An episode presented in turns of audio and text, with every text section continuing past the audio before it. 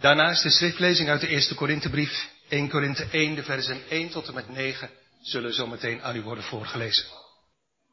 Wij lezen samen de eerste negen versen van 1 Korinthe 1.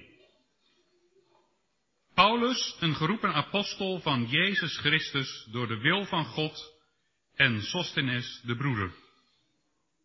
Aan de gemeente Gods die te Korinthe is, de geheiligden in Christus Jezus, de geroepen heiligen, met alle die de naam van onze Heer Jezus Christus aanroepen in alle plaats, bij de hun en onze Heere. Genade zij u en vrede van God onze Vader en de Heer Jezus Christus. Ik dank mijn God alle tijd over u vanwege de genade van God die u gegeven is in Christus Jezus. Dat gij in alles rijk zijt geworden in Hem, in alle reden en alle kennis. Gelijk de getuigenis van Christus bevestigd is onder u. Alzo dat het u aan geen gave ontbreekt, verwachtende de openbaring van onze Heere Jezus Christus, welke God u ook zal bevestigen tot het einde toe, om onstraffelijk te zijn in de dag van onze Heere Jezus Christus. God is getrouw, door welke gij geroepen zijt tot de gemeenschap van zijn Zoon, Jezus Christus, onze Heere. De brief aan de gemeente van Korinthe. Wat was dat eigenlijk voor een gemeente? Wat was dat eigenlijk voor een stad? Korinthe. Korinthe was een stad die lag op een heel centraal punt in Griekenland. Het was een knooppunt tussen het verkeer tussen Noord, het noorden en het zuidelijke Schiereiland. En het was ook een stad met twee havens. Aan de westkant kwam het scheepvaartverkeer uit Italië. En aan de oostkant konden schepen doorvaren naar Azië. Dus was het, dat is logisch, dat begrijpt u, een bloeiende handelsstad. En verder was er van alles en nog wat te beleven in die stad Korinthe. Want het was niet alleen een internationale havenstad, het was ook een stad met heel veel kunst en cultuur. Twee keer per jaar werden er grote sportwedstrijden gehouden. De Olympische Spelen, dat waren de grootste, maar in Korinthe werden de Isthmische Spelen gehouden. Een bruisende en veelkleurige stad, vol met mensen van allerlei nationaliteiten. En net als iedere grote havenstad was het ook een stad van zedeloosheid met heel veel prostitutie. En in die stad, die al een beetje lijkt misschien op Rotterdam of Antwerpen of Hamburg, was ook een christelijke gemeente. Op zijn tweede zendingsreis was Paulus in Korinthe gekomen. En anderhalf jaar, dat kunt u lezen in Handelingen 18, had hij daar zijn werk gedaan. Daar had hij, zo staat het evangelie van Christus geleerd. Zeker, er was tegenstand. Dat was altijd.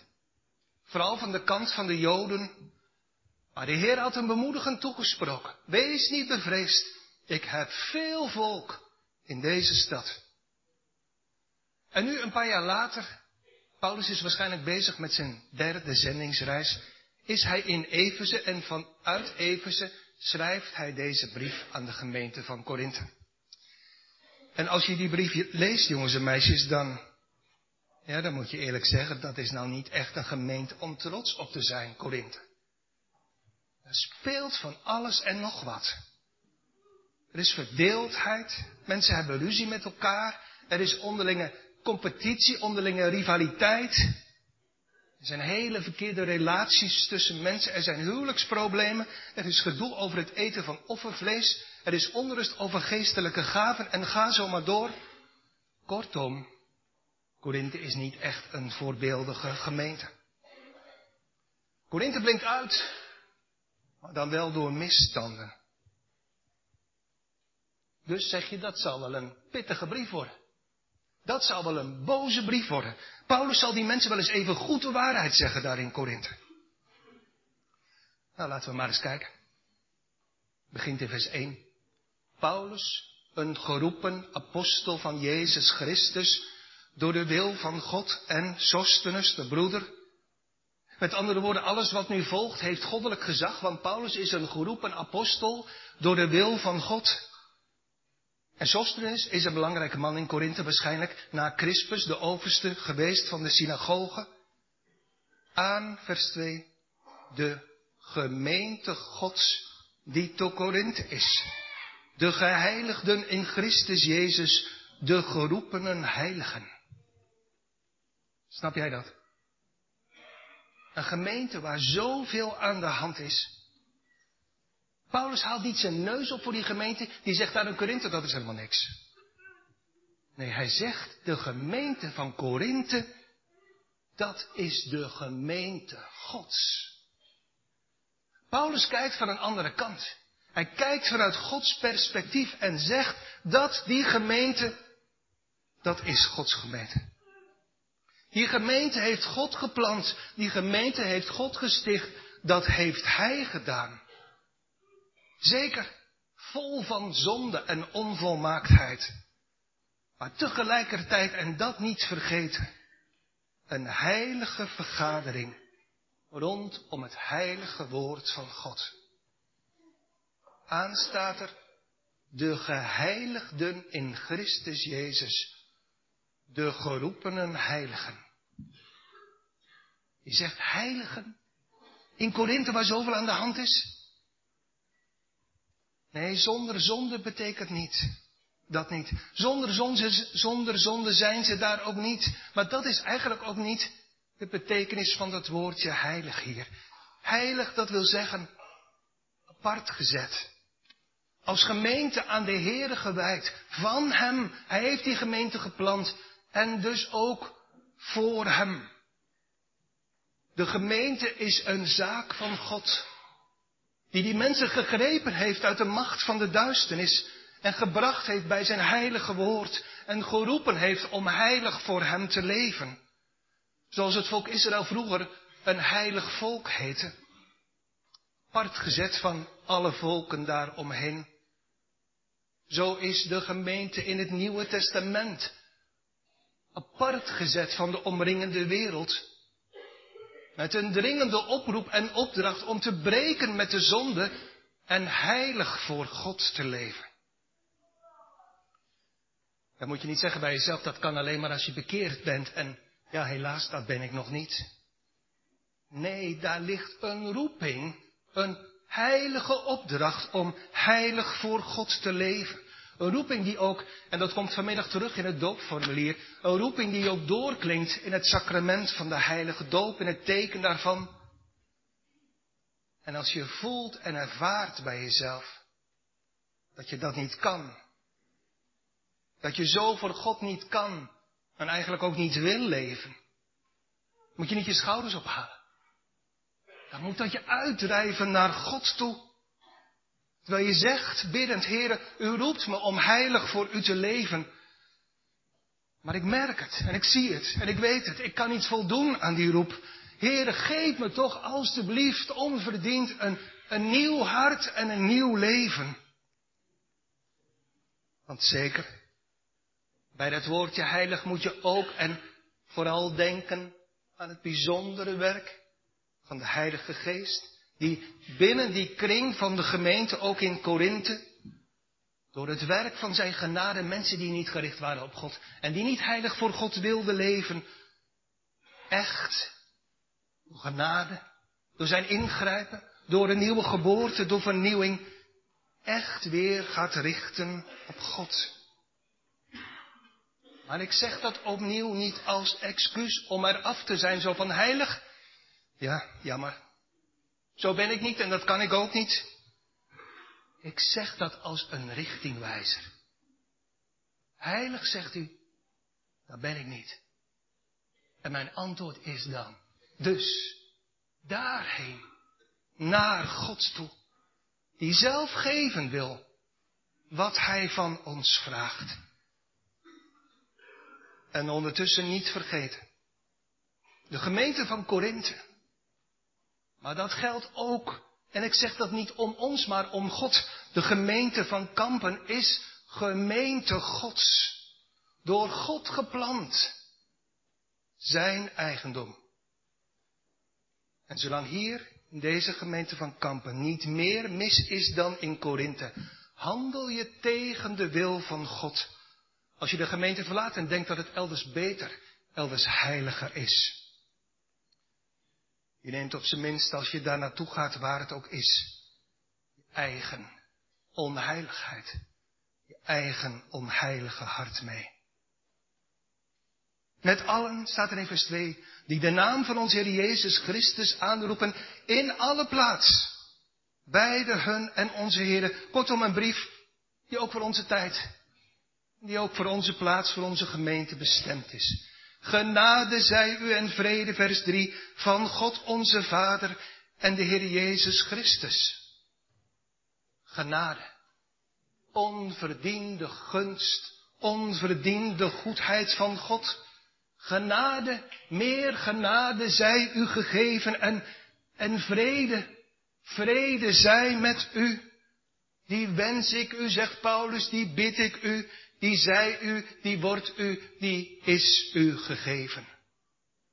Een zegen groet, terwijl Paulus de Heer dankt, nota bene, voor de gemeente van Korinthe. En dan volgen er twee versen gemeente, waar ik het vanmorgen met u vooral verder over wil hebben. De tekst voor vanmorgen kunt u naar deze inleiding vinden in vers 4 en 5. Waar dit staat, is een moeilijke tekst, jongens en meisjes, maar probeer goed te luisteren, dan zal ik proberen om het uit te leggen. Daar staat het woord van onze Heer als volgt. Ik dank mijn God allen tijd over u. Vanwege de genade Gods die u gegeven is in Christus Jezus, dat u in alles rijk zijt geworden in Hem, in alle reden en alle kennis. Tot zover tekst voor vanmorgen. Het gaat in deze versen, en dat is ook het thema voor de preek van vanmorgen, en het gaat over Paulus' dankgebed voor de gelovigen, voor de kinderen van God in Korinthe. En hij dankt voor twee dingen. Er zijn ook de twee gedachten. In de eerste plaats voor wat hen gegeven is, genade. En in de tweede plaats voor wat hen die genade gebracht heeft, rijkdom in alle reden en kennis. Dus Paulus dankgebed voor de gemeente, voor de gelovigen, de kinderen van God in Korinthe, voor wat hen gegeven is, genade. En in de tweede plaats voor wat hen dat gebracht heeft, rijkdom in alle reden en kennis. Eerst dus over gegeven genade in Christus Jezus. Vroeger leefden die Corinthiërs als heidenen. Zonder God midden in die, in die heidense stad Korinthe. Of, of, dat kan ook vroeger, leefden ze als vrome Joden die er uiterste best deden om de wet te volbrengen. Maar hun leven is veranderd. God is naar hen toegekomen. God is hen tegengekomen. God is in hun leven gekomen. Hoe? Wanneer? Nou, toen Paulus op zijn tweede zendingsreis kwam met de boodschap van het evangelie, met, zoals het staat in vers 6, het getuigenis van Christus. Dat woord van Paulus heeft hun hart geraakt, dat haakte vast in het binnenste van hun hart. Jezus, die man die twintig jaar geleden in Jeruzalem aan het kruis is gestorven, en daarna weer is opgestaan uit de dood. Dat was niet zomaar een man, dat was niet zomaar een vrome Jood. Nee, hij was door God gezonden om verloren mensen te redden van de eeuwige ondergang. Betuigende, dat deed Paulus, staat in Handelingen 18. Betuigende dat deze Jezus was, de Christus, de door God gezalfde en gezondene, tot redding en zaligheid. Maar Hij, die Christus, is door mij, door ons gekruisigd en weggedaan. Buigend onder de schuld daarvan, die de Heilige Geest hen aanwees in hun hart, zijn ze ongetwijfeld net als op de dag van het Pinksterfeest gaan roepen. In hun hart, wat moeten we doen, heren, om zalig te worden? Het woord van Apollos leest u maar na thuis in handeling 18. heeft hen overtuigd. Deze verachte Jezus was de Christus, de door God gezalfde middelaar, die nodig was. Anders had God hem natuurlijk niet gezonden. Die nodig was om verloren zondaars, zoals ik, u, jij, weer terug te brengen bij God.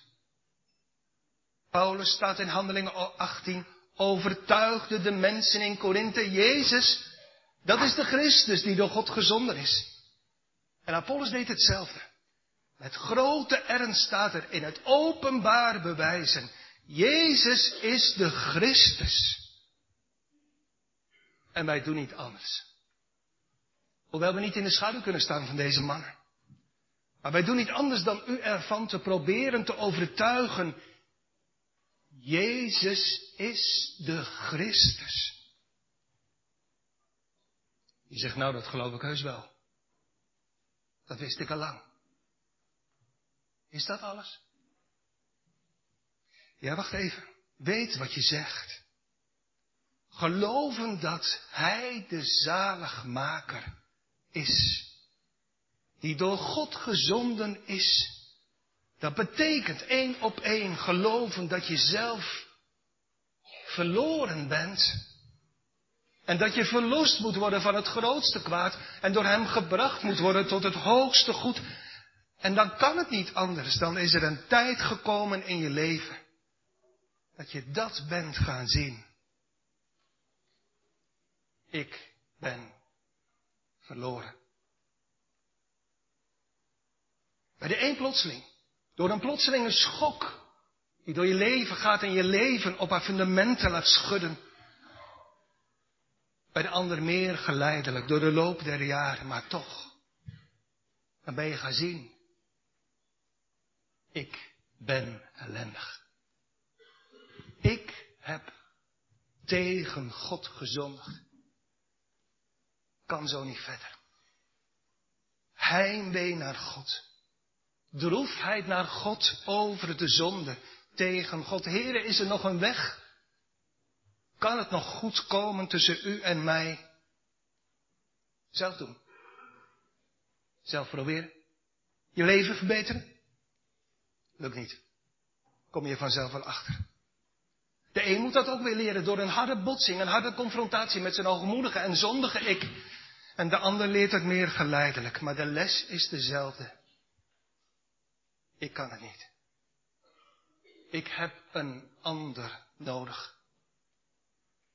En dan dat wonderlijke werk, ook in Korinthe. En we bidden ook in kampen in ons hart. Dat wonderlijke werk van de Heilige Geest. Hij overtuigt. Paulus en Apostus en Apollos, wij en alle andere broeders proberen u te overtuigen, te bewegen tot geloof. Te overtuigen dat u een zaligmaker nodig hebt en dat de zaligmaker gekomen is. En de Heilige Geest gebruikt dat gebrekkige woord. En daarom moet je hier in de kerk zijn altijd. Om mensen, jongeren, ouderen, ervan te overtuigen. Met kracht ervan te overtuigen. Ik heb gezondigd. Ik kan het niet meer goed maken. Ik zie geen weg.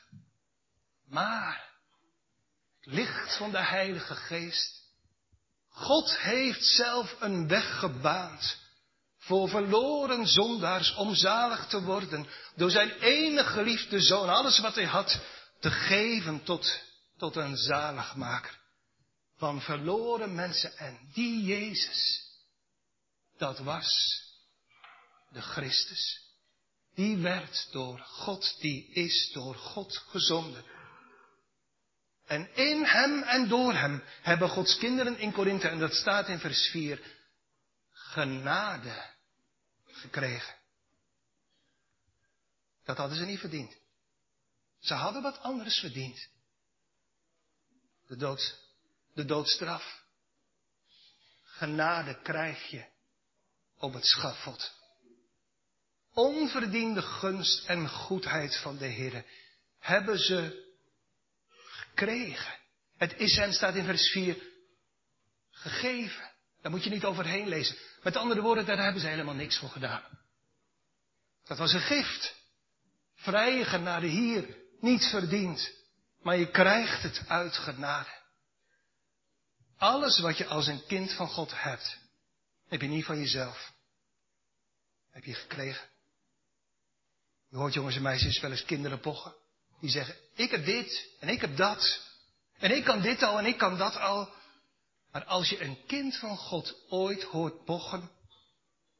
En zeggen, ik heb dit. En ik heb dat. En dit kan ik ook al. En dat weet ik ook al. Weet dan, dan is er iets goeds mis. We hebben het allemaal gekregen. Het was genade. Wat hebben we gekregen? Wat allemaal? Wat heeft die genade aan die kinderen van God in Korinthe gegeven? Wat heeft hij hen gebracht? Alles. Echt. Hoor je het goed? Die genade heeft hen alles gegeven. Als je de Heer dienen mag, jongens en meisjes. Als je een nieuw hart krijgt, wat krijg je dan nog meer? Ik zei het net al. Dan krijg je echt alles. Kijk maar in het Bijbeltje, dat staat bij nummertje 5, bij vers 5. U bent, mensen in Korinthe met een nieuw hart, u bent in alles rijk geworden. Dat brengt me bij het tweede punt. Wat die genade die ze gekregen hebben en gebracht heeft, alles. Maar vooral, rijkdom staat er in alle reden en kennis. Twee dingen dus. Rijkdom in alle reden en rijkdom in alle kennis. Eerst dat eerste. U bent gelovigen, kinderen van God in Korinthe, rijk geworden, zegt Paulus, in alle reden. Eigenlijk staat er zoiets als in alle gesproken woord. U bent rijk geworden in wat u zegt. Paulus zegt, de kinderen van God in Korinthe zijn rijk geworden in wat ze zeggen. Ondertussen niet vergeten, hè? dat is niet van henzelf. Dat hebben ze allemaal gekregen. Dat was genade. Paulus en Apollos hebben hen overtuigd in hun preken dat Jezus de Christus is. En de Heilige Geest heeft die woorden gebruikt om hen in hun harten ervan te overtuigen. Dat is waar. Hij is de enige weg om zalig te worden. En zo hebben die mensen de woorden van Paulus en van, van Apollos, de woorden van God geloofd voor zichzelf. En daar zijn ze rijk van geworden. Daardoor kregen ze alles. Ze werden schatrijk. Maar ze werden niet alleen rijk voor zichzelf. Ze wilden die rijkdom ook weer delen met andere mensen. En dus hebben ze dat woord dat ze gehoord hebben, wat ze ontvangen hebben, ook weer meegedeeld, uitgedeeld, met anderen gedeeld. Ze hebben gezegd tegen andere mensen in Korinthe, in de gemeente en daarbuiten, moet je nou toch eens horen. Wat, wat ik gehoord heb en wat ik geloven mag, die Jezus die gekruisigd is en opgestaan is en die naar de hemel gegaan is, dat is de door God gezonde Messias. Echt waar. Hij is de Messias. Ik weet het zeker. Hij is de Messias die komen zou. En, en de kennis van Hem is aan mij gegeven. Nou, als dat zo is, dan, dan kan het ook voor jou. Dan kan jij, dan kan u ook zalig worden. Die schat hebben ze gekregen. En ze hebben daarvan, van die schat, uitgedeeld. Misschien denk je bij jezelf, nou dat is misschien ook wel een beetje jammer. Want als je heel rijk bent, als je alles hebt en je deelt weer uit, dan krijg je eigenlijk steeds minder, toch? Maar dat is niet waar.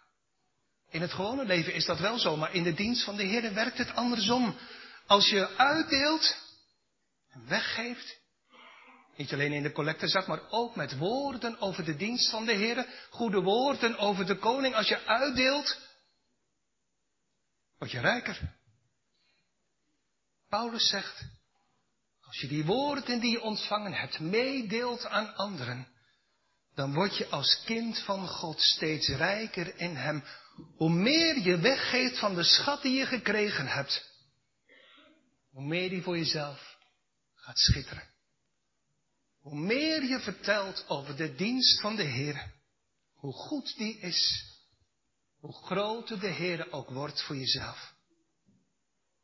Met andere woorden, als je als kind van God verlangt naar meer licht en meer kennis, is het goed, dat staat hier, is het goed om meer van Hem te vertellen. Daar word je rijk van. In die weg krijg je meer zicht door Gods genade op de rijkdom die je gegeven is. Misschien zegt u bij uzelf, ja, ik heb daar toch niet zoveel mee. Iedereen heeft het tegenwoordig maar over getuigen. Je moet getuigen. Ja, ik begrijp wat u bedoelt. Maar zegt de Heer niet bij monden van Jezaja, dit volk heb ik mij geformeerd. Ze zullen mijn lof vertellen. Nee, zeker niet. En dan begrijp ik u goed. Niet als een tegenprestatie, niet als eigen werk, want het is gift. Het is genade. Ook dat krijg je. Sterker nog, het is zelfs belofte. Zij zullen. God zegt, daar zal ik zelf voor zorgen. Hoe gesloten die mond ook is, ze zullen mijn lof vertellen. Dus wat heeft die genade van God aan de gelovigen in Korinthe gegeven? Wat heeft hij hen gebracht? In de eerste plaats dat ze rijk geworden zijn in woorden, in reden, in goed spreken over hun koning. En in de tweede plaats zegt Paulus, u bent rijk geworden in vers 3, in alle kennis. Wat heeft die genade van God nu in de harten van die Corinthiërs bewerkstelligd? Wat gebeurt er als God ons in ons leven genade geeft?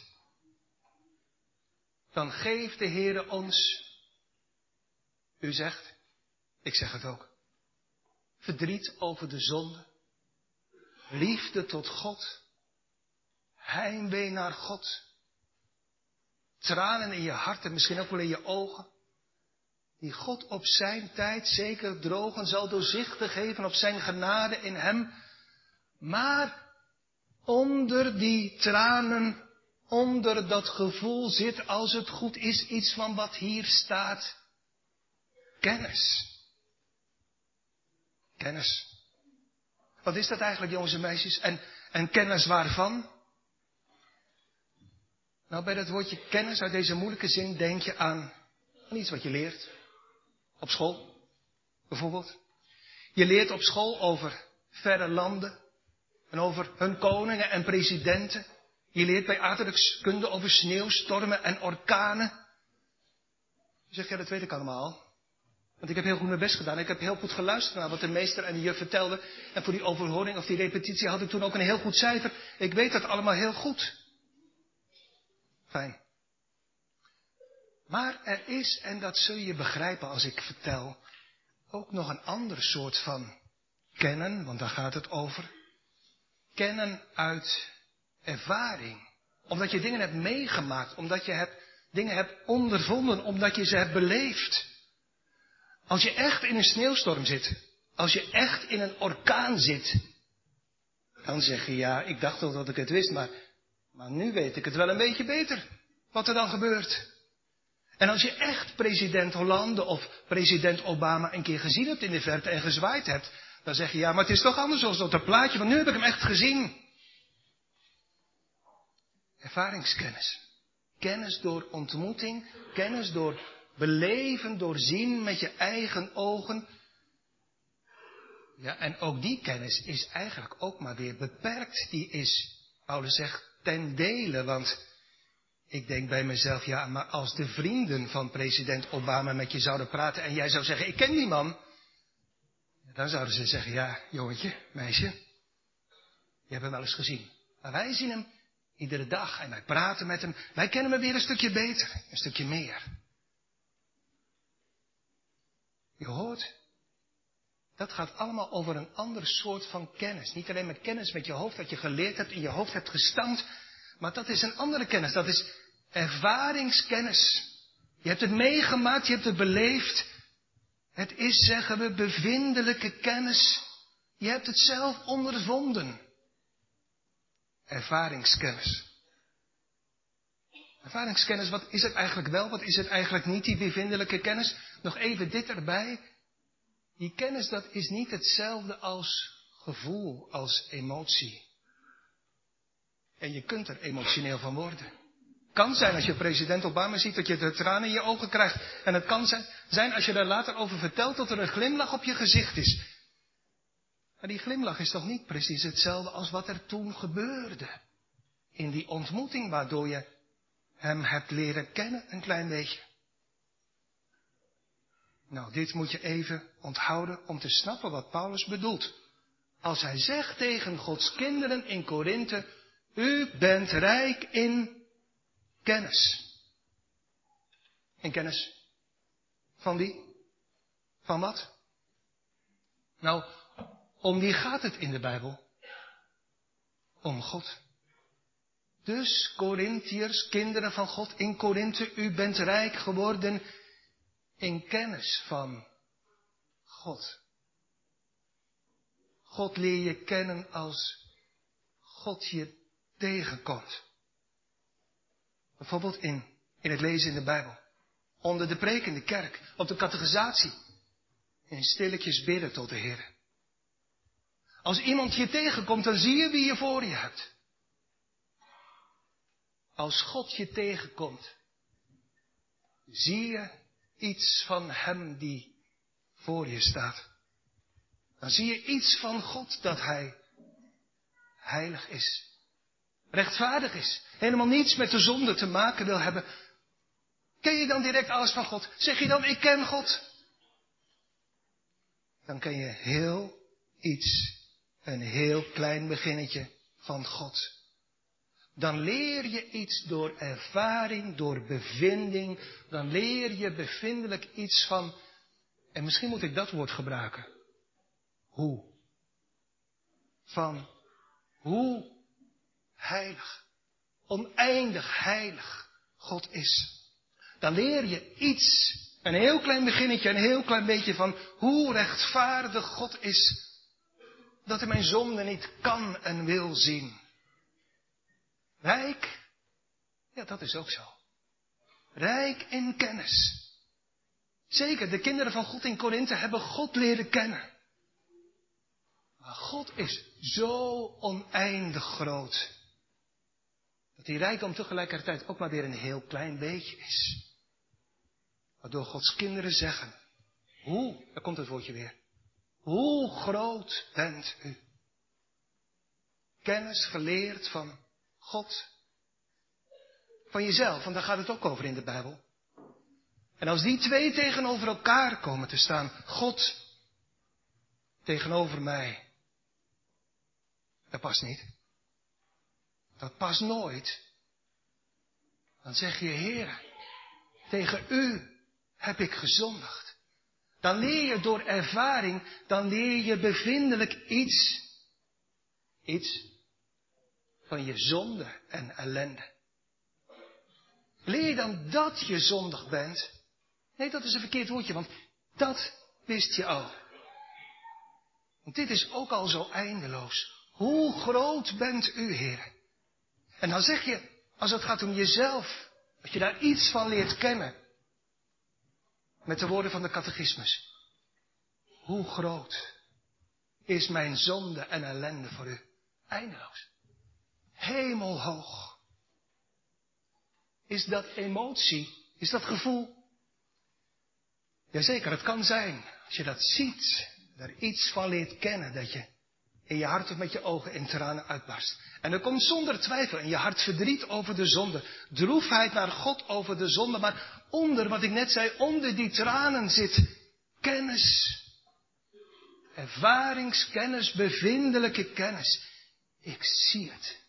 Met mijn eigen ogen, hier in mijn hart, wat ik gedaan heb. Het is kennis. Ik heb tegen God gezondigd. Hoe groot is mijn zonde tegen God? Waar leer je dat allemaal? Op welke school leer je dat allemaal? Dat leert de Heilige Geest. Zo was het in Korinthe, zo, zo is het nog steeds hier ook in Kampen. En dat je zondag was, dat wist je al, dat had je al geleerd op school. Maar nu laat de Heilige Geest dat in je hart zien. Wil je als het ware de spiegel voor te houden, kijk er maar eens in. Dat ben jij. In die spiegel kom je, kom je jezelf tegen. Zie je iets van je zondige en boze hart. En leer je al kijkend in die spiegel dat je tegen al Gods geboden overtreden hebt. En dan zeg je nogmaals met de catechismus, hoe, dat woord, hoe groot is mijn zonde tegen u? Rijk in kennis zijn ze geworden van de Heere God, van zichzelf, ook rijk in kennis van de weg tot de zaligheid. Want je moet weten dat, nee dat wist je al. Je moet weten, zegt de catechismus, hoe je van je ellende verlost wordt. Dat weten, dat kan een soort conclusie zijn. Nou, ik weet dat God bestaat en ik weet dat ik tegen God gezondigd heb en ik weet dat mijn zonden vergeven zijn en ik weet dat het allemaal goed is, maar dat zit allemaal hier. Dat is allemaal verstandskennis. Nee, dit moet je weten. Hoe? Hoe je van deze ellende van je hart verlost wordt of verlost bent. Op welke manier, door welke weg. Hoe? En werken en jezelf verbeteren en opknappen, dat gaat allemaal niet. Hoe is het dan gegaan in Korinthe? De Heilige Geest heeft die preken van Paulus naar al dat voorbereidende en ontdekkende werk gebruikt om die mensen ervan te overtuigen, die Jezus die u verworpen hebt. Dat is de Christus. En Hij is de enige weg om behouden te worden. En zo zijn ze ook rijk geworden in kennis van Hem. In de kennis van Hem van wie geldt dat Zijn zondaarsliefde, onze kennis, ver te boven gaat. Je kent er hooguit iets van. Van de hoogte en van de diepte. En van de lengte en van de breedte van de liefde van Christus. Dus zeg niet, als je iets geleerd hebt van God, van jezelf, van Christus. Ik ken het allemaal. Ik ken de Heer, ik ken mijn hart, ik ken de weg tot de zaligheid, ik ken Jezus. Want wie dat zo stellig zegt, laat zien dat hij of zij God en zichzelf en Christus misschien wel helemaal niet kent. Ja, wel als feit dat hij er is en dat ik zo ben. Als feit met het verstand, maar niet door ontmoeting, door ervaring, door bevinding. Want door bevinding, door ervaring ga ik iets zien van het iets, van het oneindige van God, van mijn schuld. Van de hoogte en van de diepte en de breedte en de lengte van de liefde van Christus. Met andere woorden, er is een heilige, merkwaardige, paradoxe tegenstelling, zou je kunnen zeggen, in het leven van, God, van Gods kinderen, als het gaat om kennis. Als het gaat om kennis zijn ze rijk, schatrijk, in Christus, in God. Toch blijft er maar iets. Arm in zichzelf. We zeggen, Heere, hoe groot bent u? O heilige en rechtvaardige en barmhartige God. Hoe meer ik u kennen mag, hoe meer ik zie dat ik maar zo weinig ken. En we zeggen, Heere, mijn zonden, onze zonden zijn zo groot. Hoe meer ik ervan zie, hoe meer ik tot de conclusie moet komen dat het nog niet de helft is, nog niet een tiende en nog veel minder. En uw zaligmaker, Heere, uw Christus is zo groot. Zijn liefde gaat mijn kennis ver te boven. Kennis. Dan gaat het hier over, als kennis groeit, dan kunt u zich ook wel iets bij voorstellen. Het is op school dat gaat. Langzaam, rustig, stil, Dat is ook geen kwestie van heftige emoties. Het licht gaat langzaam op. Paulus schrijft in de brief aan de Efeziërs, u was eertijds duisternis, maar langzaam is het licht van de kennis opgegaan. Nu bent u licht in de Heer. Met andere woorden, groei in kennis gaat, net als op school, stapsgewijs. De kennis wordt meer en meer verdiept. Leer je dan als kind van God in de loop van je leven hele nieuwe waarheden waar je nog helemaal niets van kende? En dat niet zozeer. Het zou ook botsen met deze tekst, want hier gaat het over de rijkdom die gegeven is. Ze hebben alles gekregen. Maar wat gebeurt er? Het is alsof de Heilige Geest, en dat kan je lezen in 1 Korinthe 2, het volgende hoofdstuk, als het ware stapsgewijs de sluier steeds verder oplicht van al die schatten, van al die rijkdom. Waardoor ze leren, dat staat in het volgende hoofdstuk, waardoor Gods kinderen leren de dingen die hen eerder al gegeven zijn. Maar er gaat steeds meer licht over op. Kennis verdiept zich. De Heilige Geest leert me meer van God, de Heilige, de Barmhartige, de Rechtvaardige, de Genadige. De Heilige Geest leert me meer en die zonde verdiept zich, die kennis neemt toe van de zonde en de hardleersheid van mijn hart. Van de rijkdom van Christus, van de leegheid van de wereld en van de geheiligde hoop voor de toekomst.